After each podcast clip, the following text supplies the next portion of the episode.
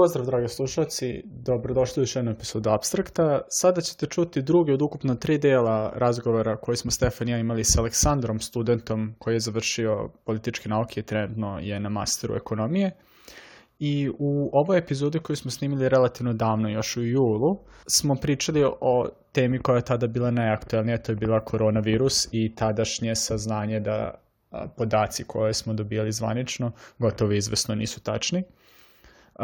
Eto, pomislio bi čovjek da nakon koliko to već mesec, cijel august, cijel september prošao, da ta tema više neće biti aktualna, nažalost to nije slučaj. Danas eto prvi put desao da je jedan od prominentnijih članova kriznog štaba vlade Srbije za suzbijanje koronavirusa, dr. Predrag Kon, izjavio da je broj umrlih tri puta veći nego zvanično dostavljen i to po njegovim rečima po njegovom ličnom istraživanju.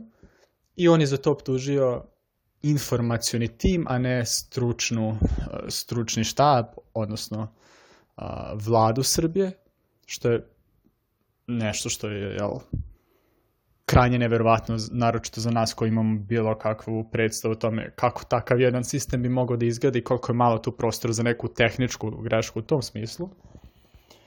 I takođe, nažalost, imao sam priliku da vrlo a, iz bliskih krugova vidim kako to kad se neko sada zarazi koronavirusom, dakle daleko od toga da je u potpunosti prošlo bez obzira šta je to. Imamo zvanične podatke da je 30 novo zaraženih dnevno, da u Novom Sadu trenutno je nula ljudi u samoizolaciji, znači to je činjenicno pogrešno, dakle imam iz prve ruke informaciju da ba, ovaj, barem jedna osoba u samoizolaciji i osobe koje su bile sa, koje su i dalje, jel, ukućani sa tom osobom koja se zarazila su žele da iz preventive, jel, to kao prvi kontakti urade PCR test, da znaju da li su oni zaraženi, jedno njih je čak i ugrožena grupa. Međutim, ne postoji način, čak sam i ja lično zvao da se uverim, ne postoji način da osobe koje nemaju simptome niti put u inostranstvo urade PCR test, čak neko živo u istom domaćinstvu. Dakle, ja sam zvao na telefon i to mi je rečeno. Zbog toga bih samo ovom prilikom da podsjetim sve naše slušalce a tim i sebe samog. Da ovo u čemu mi živimo nije normalno, da ovo nije država, da ovo nije sistem i da nismo mi ludi, nego su oni ludi. U svakoj normalnoj zemlji bi svi kontakti osobe ko, za koju se zna da je zaražena morali da se testiraju.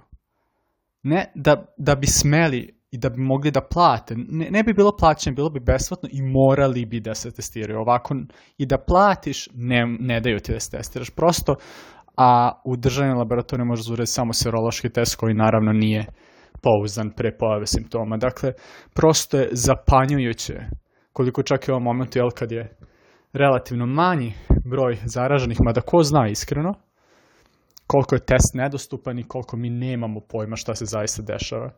Ovo je strašno, još jednom podsjetnik za sve, čuvajte sebe, čuvajte ljude oko sebe, ne slušajte očito lažne informacije i pamet u glavu.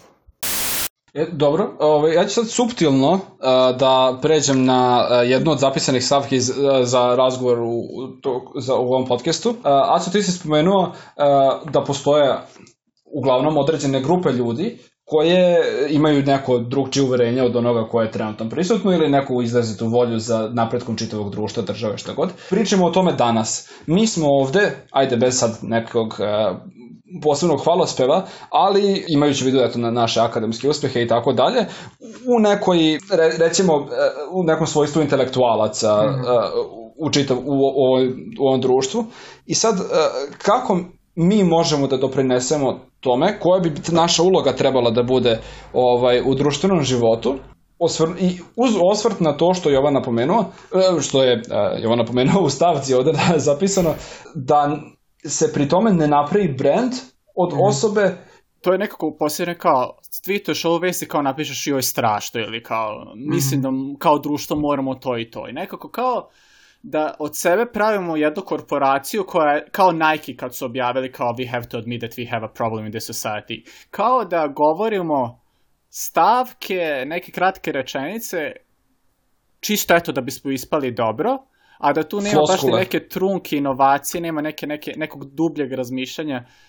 Ali šta onda znači? Šta znači biti ne, neki društveno aktivan bez da se zaista time baviš profesionalno. Ukoliko a, neko hoće da promeni nešto po nekom pitanju u društvu, a, prvo, mislim, treba da ima jasnu, jasnu ideju šta je problem i šta bi trebalo da se, da se ono kao, gde bi on želeo ili ona da, da, da to ide. Ne, ja, ja sam postao strašno alergičan poslednjih godina na, na, na to a, sistem te laže narativ, sistem je truo narativ a, koji je strašno neodređen i koji te ne usmerava nigde, nego u tebi se stvara samo to neku vrstu nezadovoljstva, ali ono ne, ne govori ti kuda da ga usmeriš i ono kao šta bi mogao konkretno da uradiš da, da, da to promeniš.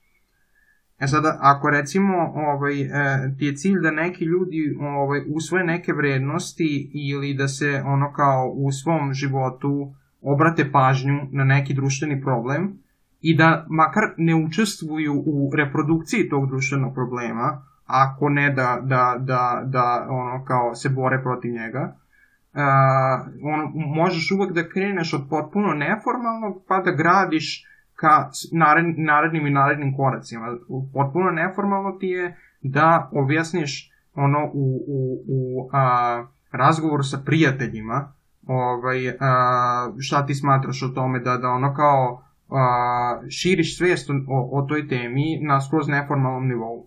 Pa onda ti je naredni korak da, da preko, na primer, modernih medija i tako dalje, kao što je, na primer, ovaj podcast, kao što su društvene mreže, pa onda ono, sledeći korak je uključivanje u neku inicijativu građansku, potpisivanje nekih peticija i tako dalje. I tek ono, ono poslednji korak, najviši korak nekog društvenog aktivizma u tom smislu je ono, ovaj, uh, ako su politička pitanja je učlanjivanje u političku stranku, ali naravno Stefan mi je skrenuo pažnju da, da, da, da naravno nisu ovde u pitanju samo politička pitanja, nego i šire, šire društvene stvari, to onda možeš da da ono kao učestvuješ u osnivanju i, i eto i Stepan je naveo taj primjer i na kraju krajeva neke fondacije koje bi se bavila nečim ili tako ne, neke specijalizovane organizacije za, neku, za neki problem. Da, za slušalce, po, ovaj, pošto taj deo, ovaj, pričali smo u pauzi, a, Aleksandar i ja, i moj primer koji sam dao za tako neki, a, neku aktivnost koja nije nužno baš ni neki aktivizam, a opet ima neki utjecaj, je a, ok, ja bih voleo da se više ljudi bavi fizikom. I to ne kažem ovako, inače to bih stvarno bih voleo. I mislim da je fizika dobra nauka, korisna, uh, ispunjavajuća za ljude i tako dalje i da može da doprinese puno čovečanstvu, ko što jeste, jeste kroz istoriju.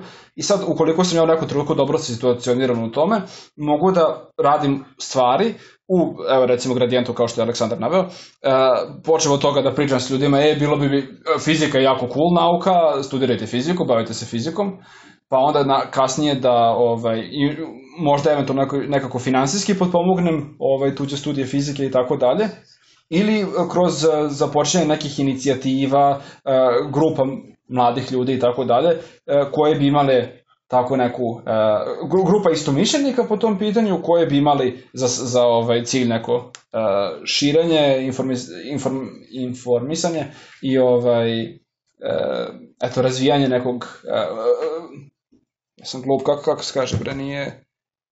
Promociju, o, kako reći, nevjerovatno. o, da, ali promociju ove, fizike, eto kao nauke u tom scenariju. Meni to sve zvuči super, meni je to ono, pravi primer uh, o dobro, ono, dobre društvene angažovanosti po nekoj temi, u ovom slučaju, jel, fizici. Ovaj, uh, uh, jedino je to što bih dodao na to, o čemu treba voditi računa, pošto sam to viđao ranije da se dešava sa tim nekim sličnim društvenim inicijativama i tako, jeste što one završe u tome što na kraju okupljaju samo ljude koje već imaju a, pozitivan stav o toj temi i ono kao koji se, koji, koje ne treba ubeđivati, koji već prihvataju taj cilj kao, kao legitiman i kao, kao važan i tako dalje.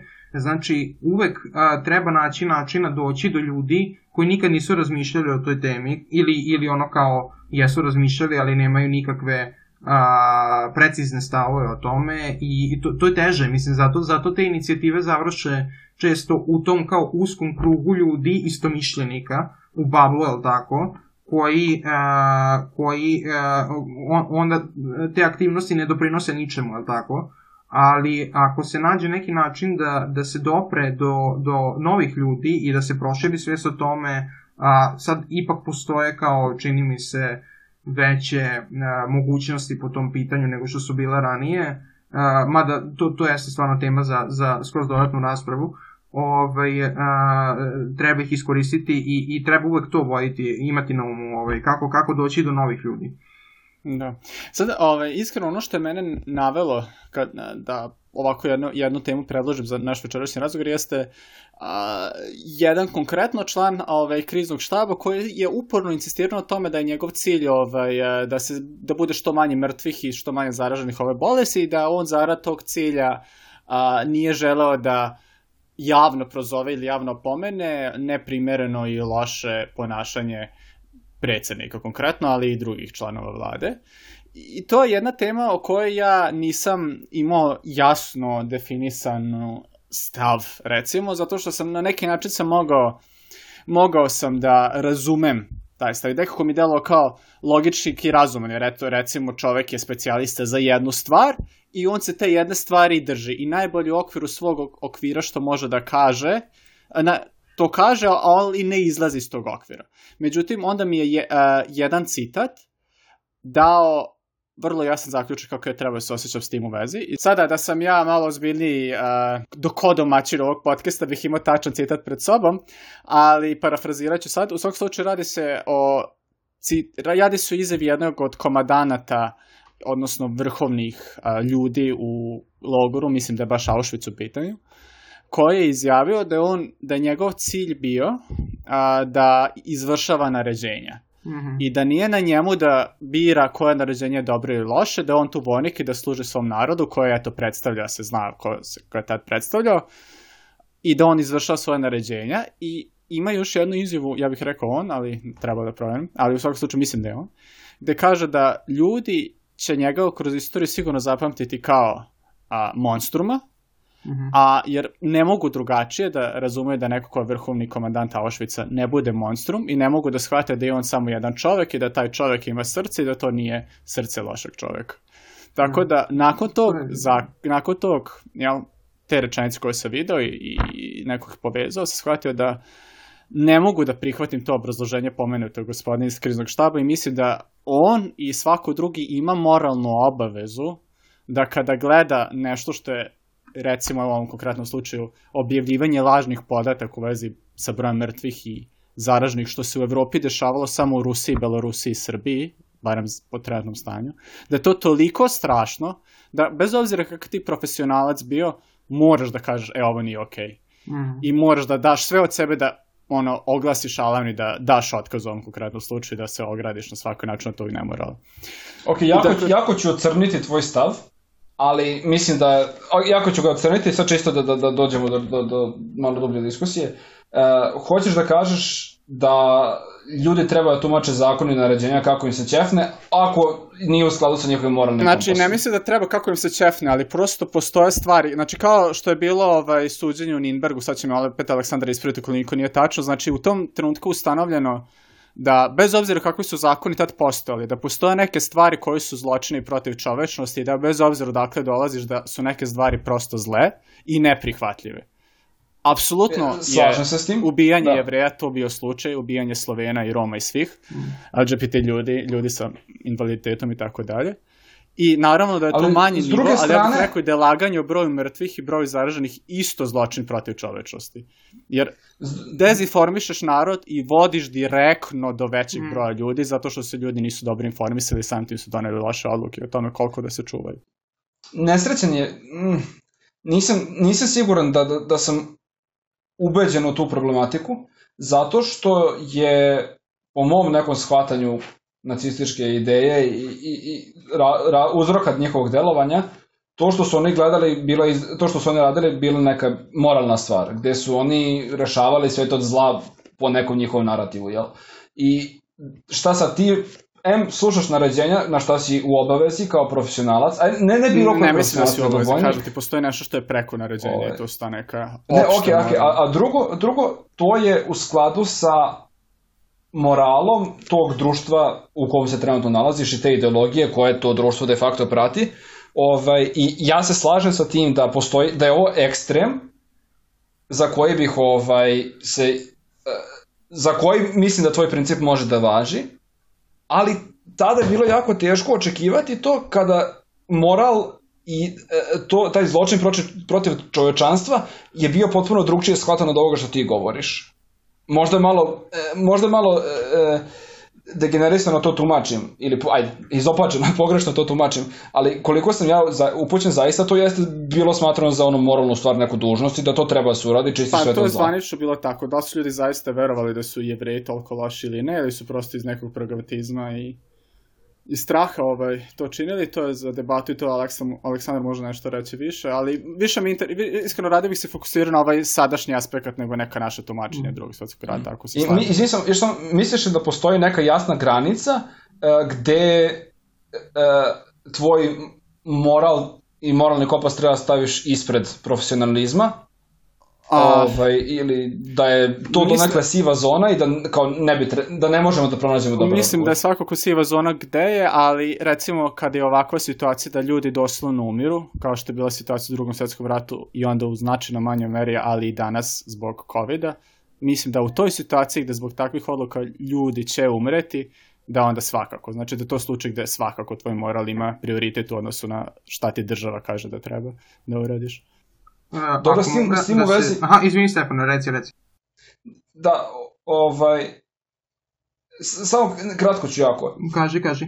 Stvar sa vojskom konkretno je da se jako, jako, jako puno uh, fun, uošte uh, toga kako, zašto vojska funkcioniše, kako vojska funkcioniše, zasnija na tome da ti ne dovodiš naređenja u pitanje, jer A, verovatno ih donosi veliki broj ljudi koji je stručniji upoćenije od, od toga u to od tebe.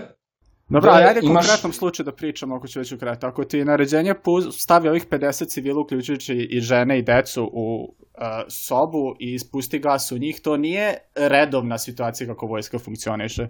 Znači, postoje toliko ekstremni slučajevi da po meni svako... Ne, to su nama sad kao... ekstremni slučajevi. Ja se slažem i mislim, to pa meni zvuči odradno... Pa i tačno, to uvek ekstremni slučajevi. Mislim da svako relativizovanje toga prosto nije, nije, nije, nije na mestu. Ne idem ka relativizmu, nego uh, ti u vojsci, mislim, neposlušnost je užasan greh u vojsci. I čitava vojska se zasniva na Tako je, da. disciplini. I ako ti neko kaže, ne znam, pusti nekog da umre, e, napusti svoj položaj, ili pusti civila da umre, napusti svoj položaj, ti to ima da uradiš, zato što taj neko vidi da će to nešto drugo sad da uradi, ko zna šta dobro. Ovaj, I sad, konkretno za vojsku je možda i suviše pipavo, i daleko toga da brani bilo šta. Mislim, ne znam da li ima potreba da se ograđujem, ovaj, da sam protiv eh, bilo kakvih takvih stavova. ovaj, ali ima izgleda i on potrebe.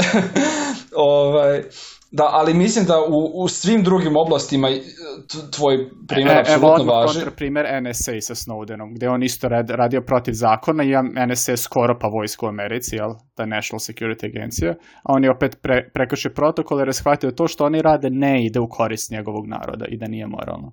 Tako da, iako se slažem, u principu ne treba da dezertiraju ljudi, u principu ne trebaju, ali mislim da postoji kako situacije gde trebaju i eto, postoje ekstremi gde moraju i ako ne dezertiraju da su bukvalno krivi. I to je neki stav koji nije samo moj, to je prosto danas isto mainstream prihvaćen stav, barem za drugi svetski rat, jer danas svako ko je služio u kampu je automatski kriv. To je, nije bilo ranije slučaj, ali danas, na primjer, evo, baš sam pre neki dan gledao suđenje, verovatno poslije put SS vojniku, i samo treba da se dokaže da on zaista bio član tog vode, jel? I već će biti kriv, zato što toliko je zlo da si morao prosto da se sproti, što je nekako generalno prihvaćen današnji stav, ja mislim. Tako da sad, Aleksare, mm. misliš... Da, slažem se. Ok, završavam sa ovim uh, djavoljim advokatisanjem. Slažem se sa tobom. Mislim da, da je to definitivno ekstrem koje ja ne bih voleo da se dešava, barem sa mojim sadašnjim moralnim shvatanjem i da mi je ono, dužnost maltene da, da dam, ovaj, ne maltene, možda čak i do, dotle da dam svoj život da, da se tako neko zlo spreči.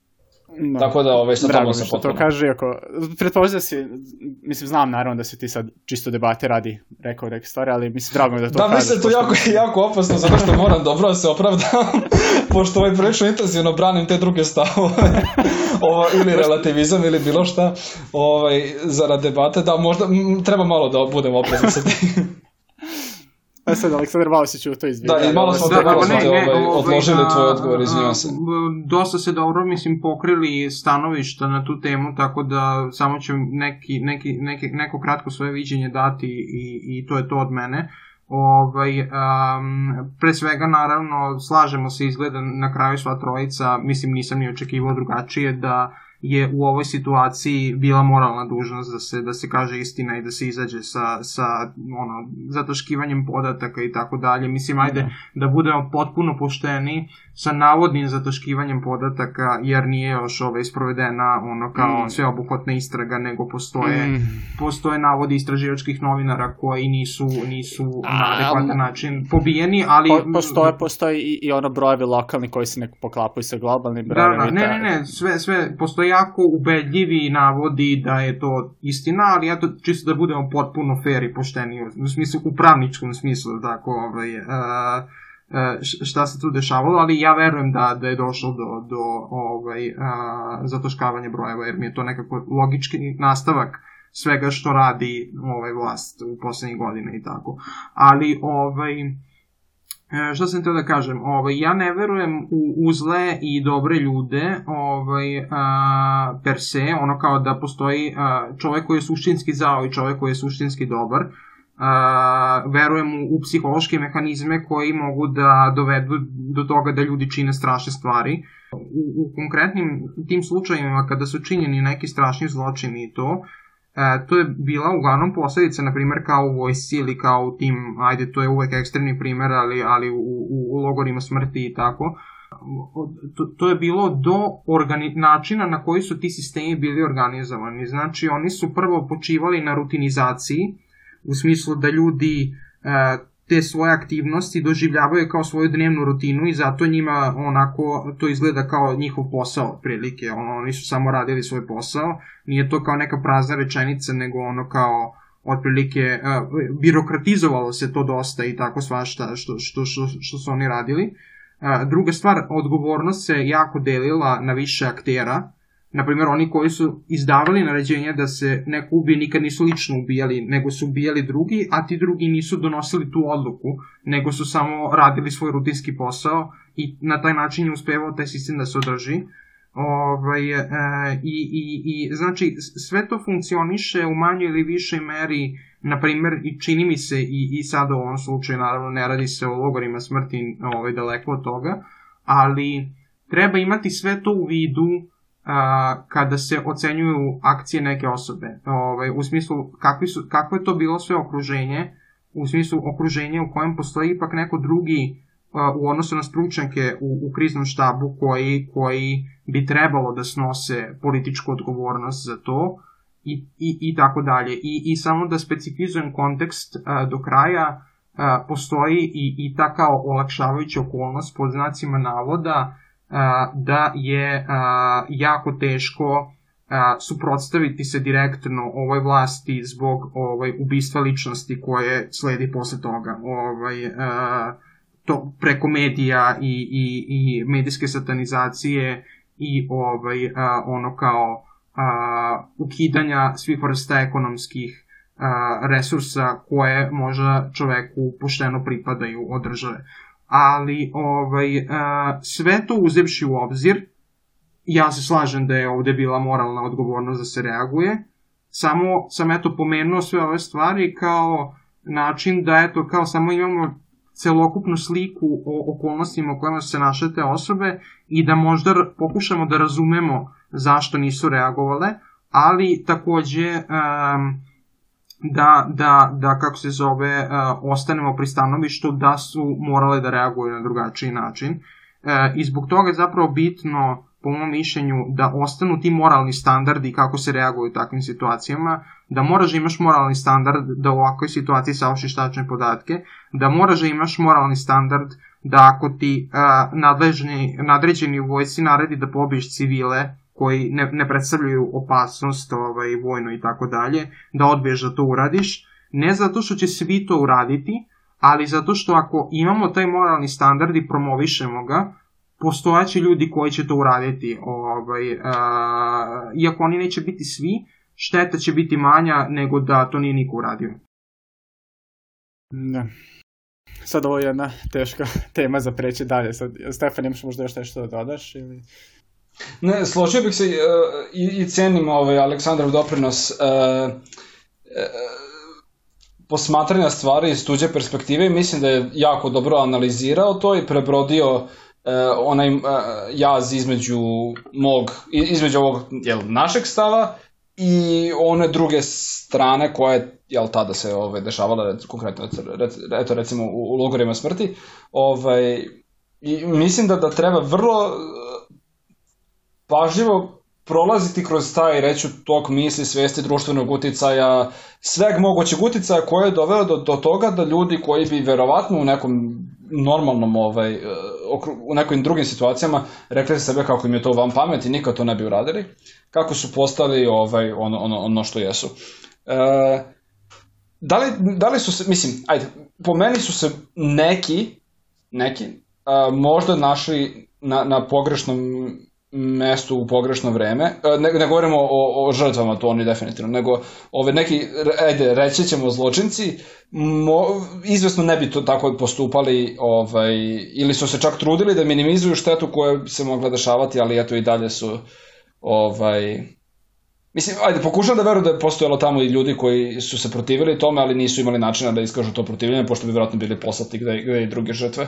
Da. Znači, znači po, po, izvini samo što ti upadam, znači po mom mišljenju ti ljudi koji su učestvovali u takvim stvarima treba da budu kaženi upravo zato da bi se uspostavio taj moralni standard kako se treba ponašati u toj situaciji, ali ih ne treba kažnjavati u ono smrtnom kaznom i tako dalje, zato što ipak treba opet uzeti u obzir ovo što sam ranije pričao da da ovaj ono kao u kakvom su se oni sistemima i društvenim okolnostima i psihološkim okolnostima nalazili tada. Tako da treba naći tu neku ravnotežu između potpune retribucije u smislu sve te ljude koji su bili u, na bilo koji način umešani u takve stvari. Dobro sad oko logora smrti je to jako pipava i emotivna tema i naravno i nama je, nama je potpuno neshvatljivo da, da bilo koga ko je učestvovao u svemu tome ne treba samo jednostavno ubiti i to je to, ovaj, ali mislim da, mislim da, da kao zarad, zarad uh, neke potpune pravednosti treba uh, razmišljati o svim ovim stvarima. Do, to se, mislim da smo, ovaj, da. da smo donekle zatvorili ovu temu. Mm -hmm. e, sada, Samo s ovim da u vezi... Da, se, da si baš ovo posljednje lepo rekao, Aleksij, da se slažem apsolutno s ovim zaključkom. Mm -hmm. Hvala. Ovaj, e sad, malo ćemo se možda vratiti uh, uh, ovom idućom stavkom, uh, ali na, na, na prethodni deo razgovora. E, Jovan i ja smo nekom, u, puno zapravo navrata pričali e, o ulogama i posledicama slobode u raznim kontekstima i za, in, i za individu i za društvo. Mm -hmm. I eto, malo pre kada smo pričali i o tom osjećaju dužnosti, ovaj, ja sam rekao da meni na, na prvi, prvo na pamet padaju neki restriktivni sistemi gde kroz razne, kroz neke entitete koji su bili posmatrani kao iznad ljud, ovaj, svih ljudi, e, taj osjećaj dužnosti bio razvijan. I tu su neki, neke ideje komunizma, socijalizma, ovog onog, mm -hmm. uh, u koje su se ljudi kleli manje više, potom kultovi ličnosti, uh, izrazito, uh, aj reću, uh, ver, na veri zasnovane države i tako dalje.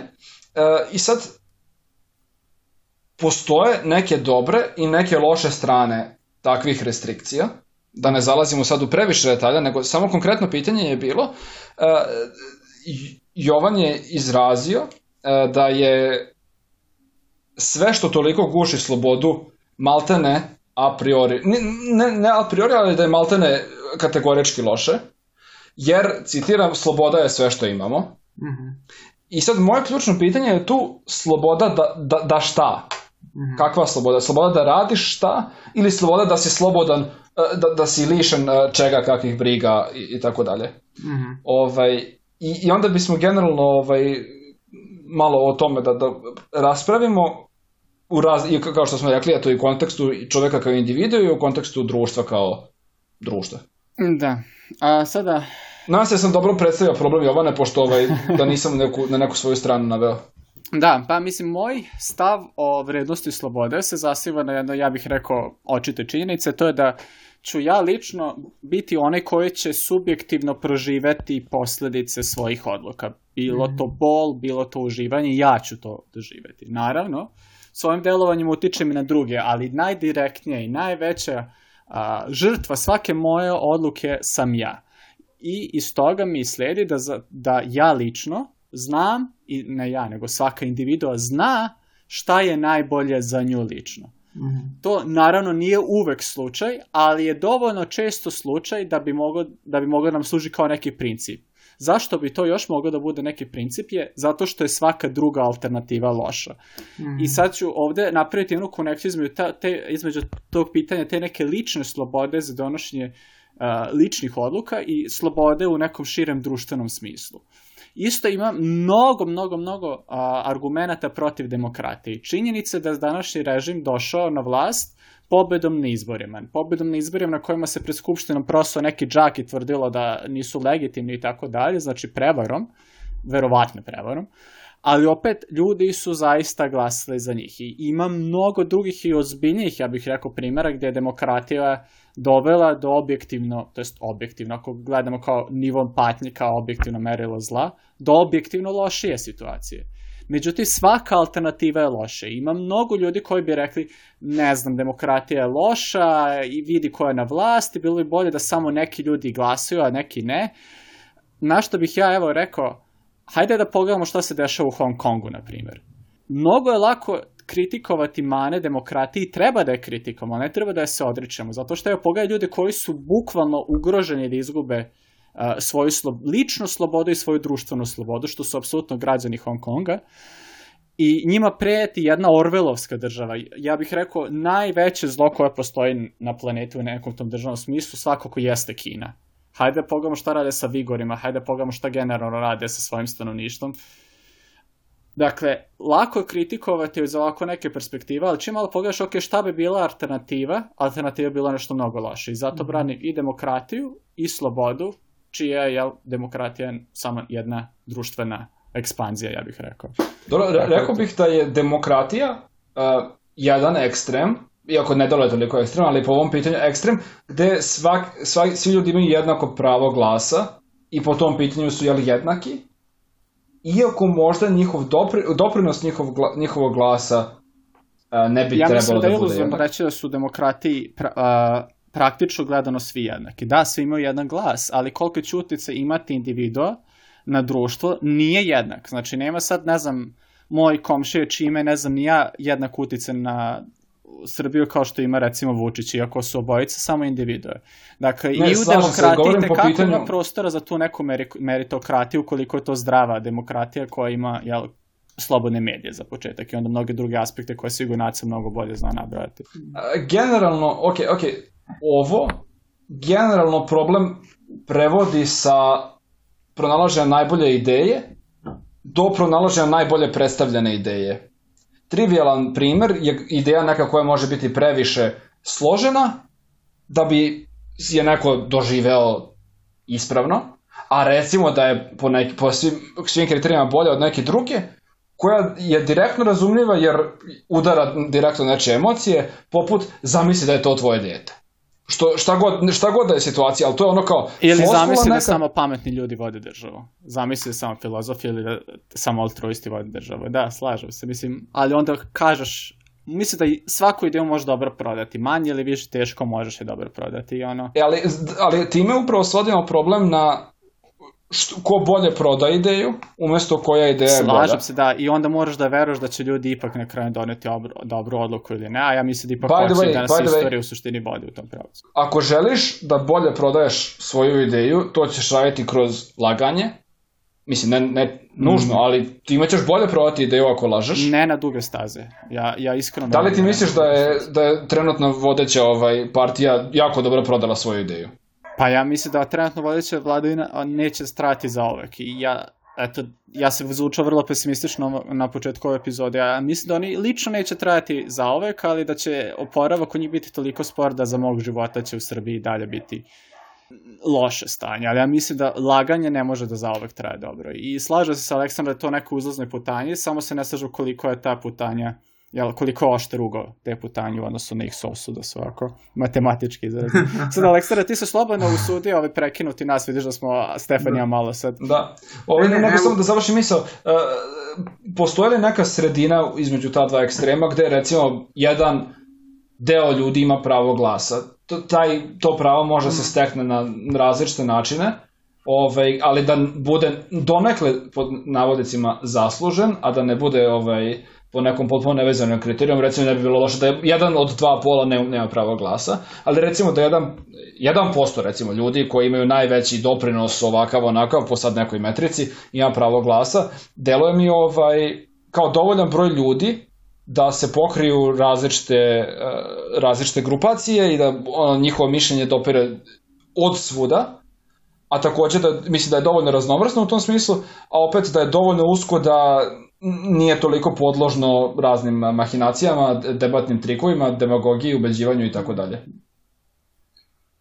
Um, jako smo se dalje, ovo nema veze sa slobodom zapravo, da. većina ovoga što sam pričali. Ali, ali, ali, da... ali zapravo, mi je, zapravo mi je, po, pošto, pošto se pričali o tome, zapravo mi je važno da, da, da to napomenem. A, upravo ste kroz ovaj razgovor zapravo čini mi se pokazali da je definicija demokratije a, kakve, kako je treba da težimo i kakvu treba da promovišemo i prihvatimo, ne sme da se svodi na to da je demokratija politički sistem u kojem, a, u kojoj se na vlast dolazi putem izbora. Znači, to je ono što većina ljudi smatra demokratijom, je tako?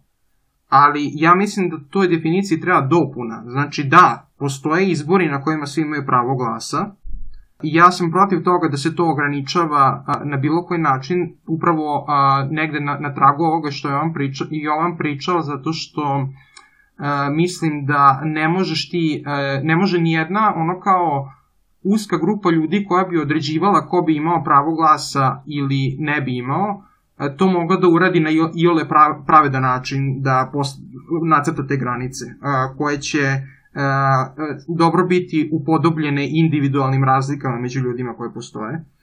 Ali e, šta, šta sam teo da kažem, što je jako bitno, demokratija je politički sistem u kojem se na vlast dolazi putem slobodnih izbora i u kojem je ta vlast podeljena na tri grane i ograničena na strogi set uh, ovlašćenja uh, i u kojem postoje popis ljudskih prava i građanskih prava i političkih prava koja su ustavno zagarantovana i jedna vlast ne može da dira u njih.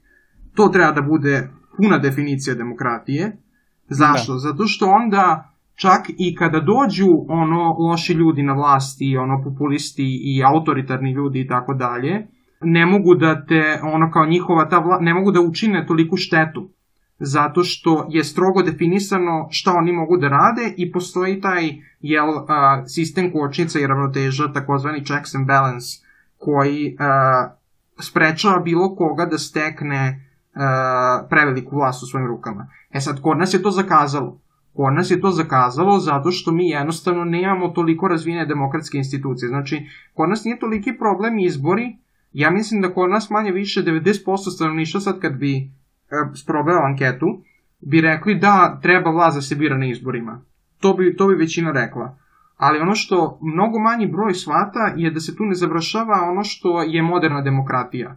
A moderna demokratija je ta u kojoj je a, ta vlast koja je izabrana na izborima ograničena a, raznim mehanizmima da ne može ni na koji način da, da napravi veliku štetu A kako su ti mehanizmi uspostavljeni? Ko ih uspostavili? Kako se...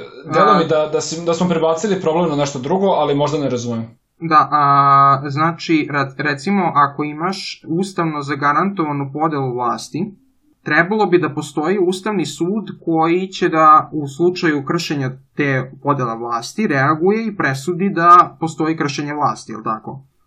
Ustavni sud je u Americi a, ono, a, institucija koja izaziva strahopoštovanje, je li tako? Koja, koja ono kao ljudi smatraju izrazito legitimnom većina i ovaj, njene odluke se slušaju. Do toga se došlo ono opet evolutivnim razvojem te institucije koja nije bila toliko jaka na početku u svesti građana. tako što je s vremenom ovaj institucija izgradila svoj svoj ovaj kao a, uticaj na javno mnjenje na kraju krajeva da ako ti Ustavni sud presudi da si ti kršio vlast, da će se većina građana okrenuti protiv tebe. To tako, na primjer, funkcioniše u, u Americi i u drugim zemljama ovaj, sa razvijenom demokratijom. E, a mi to sad nemamo zato što jednostavno, po mom mišljenju, nije bilo dovoljno vremena na kraju krajeva da e, Ustavni sud i sve druge institucije koje bi trebalo da ograničavaju vlast, zaštitni građana, poverenik za informacije i tako dalje, na kraju obični, obični sudovi, obični tužioci, da razviju toliko nezavistan položaj da bi sprečavali velike zloupotrebe koje se sad javljaju, a to je zato što jednostavno a, nedovoljan broj građana je svestan svih tih značajnih stvari. I u, da, moje pitanje je bilo, uh, ok, to ako imamo ustav, to je jasno kuda je, šta je, šta je plan, ovaj, da se da. taj ustav zapravo sprovodi. Kako dođemo do ustava, a da taj ustav ne bude određen ili od strane jedne grupe ljudi, jedne partije ili tako dalje, čime smo, nismo rešili problem, ili da ne, da ne glasaju svi ljudi za, svu, za svaku stavku ustava. E, razumiješ, imamo se da smo prebacili problem sabiranja vlasti na konstruisanje ustava, a usput to je ograničenje za vlast koje opet je, ajde, kao da smo ga podelili na dva dela, ali da isti problem postoji i dalje. Razumeš što hoću da kažem? Da, ali mislim da um, nije, nije toliko problem uh, kako doći do ustava zato što imamo već bogato ustavno iskustvo država na koje bismo mi želeli da ličimo ovaj, koje uh, ono uh, je i koje su i unete u naš trenutni ustav na kraju krajeva. Naš trenutni ustav ima on mana, ali nije on, toli, on je ok ustav, mislim, samo kad bi se primjenjivao, to je poenta ovaj, a, nikad se neće doći do te situacije da svi građani odlučuju o ustavu, zato što da, da svi građani odlučuju o svakoj stavci ustava. Na, ovaj, ustav je ovaj kao prihvaćen na referendumu, ajde, mada i taj referendum bio dosta problematičan, ali da ne ulazimo sad u to. Ustav treba da bude prihvaćen na referendumu, ali jednostavno nikada neće svi građani biti zainteresovani za to. U svakom društvu imaš ono, bar 30% građana koji su potpuno nezainteresovani da, da učestvuju u bilo kakvom bilo kakvim političkim procesima i tako dalje. Mm. I da li smo time rešili problem, pošto smo problem mm -hmm. je e, vlast koju bira država koja ima recimo skoro građani koji, da, da, okay. Gra, gra, da, da, izvini, izvini, da. vlast koju biraju građani, a pre imamo e, ustav koji biraju građani, mm -hmm. koji je, reći ćemo, 50%, neki udeo ovaj, regulacije vođenja te države, i vlast koju biraju građani koja je drugih 50% onoga što nije ograničeno ustavom.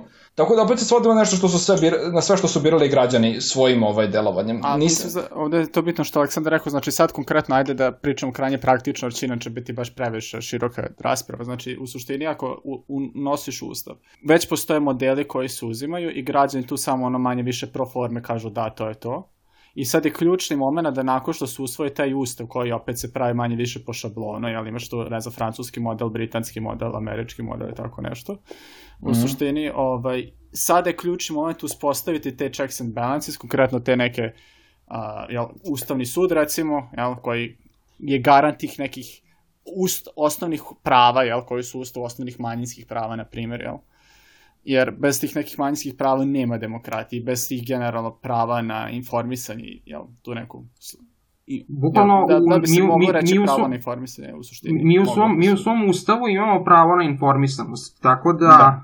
Uh, Ustavni sud bi sada, da, da postoji kao respektabilna institucija u Srbiji, kaznio a, vlast, to jest ne bi kaznio, nego bi presudio da je vlast prekršila ustav sakrivanjem podataka o broju obolelih a, od, od, od koronavirusa i, i umrlih. A, naravno, ajde, još jedan sam da dodam, ako se utvrdi nepobitno da je to istina, ovaj, da, da su sakrivali. E sad, šta je poenta, Stefane, a, ako, a, mo, možda, možda bi ti to pitanje palo na pamet, kao ako Ustavni sud i presudi da je vlast prekršila Ustav, ko će njih da uhapsi i tako dalje, ko će da ih sankcioniše i to.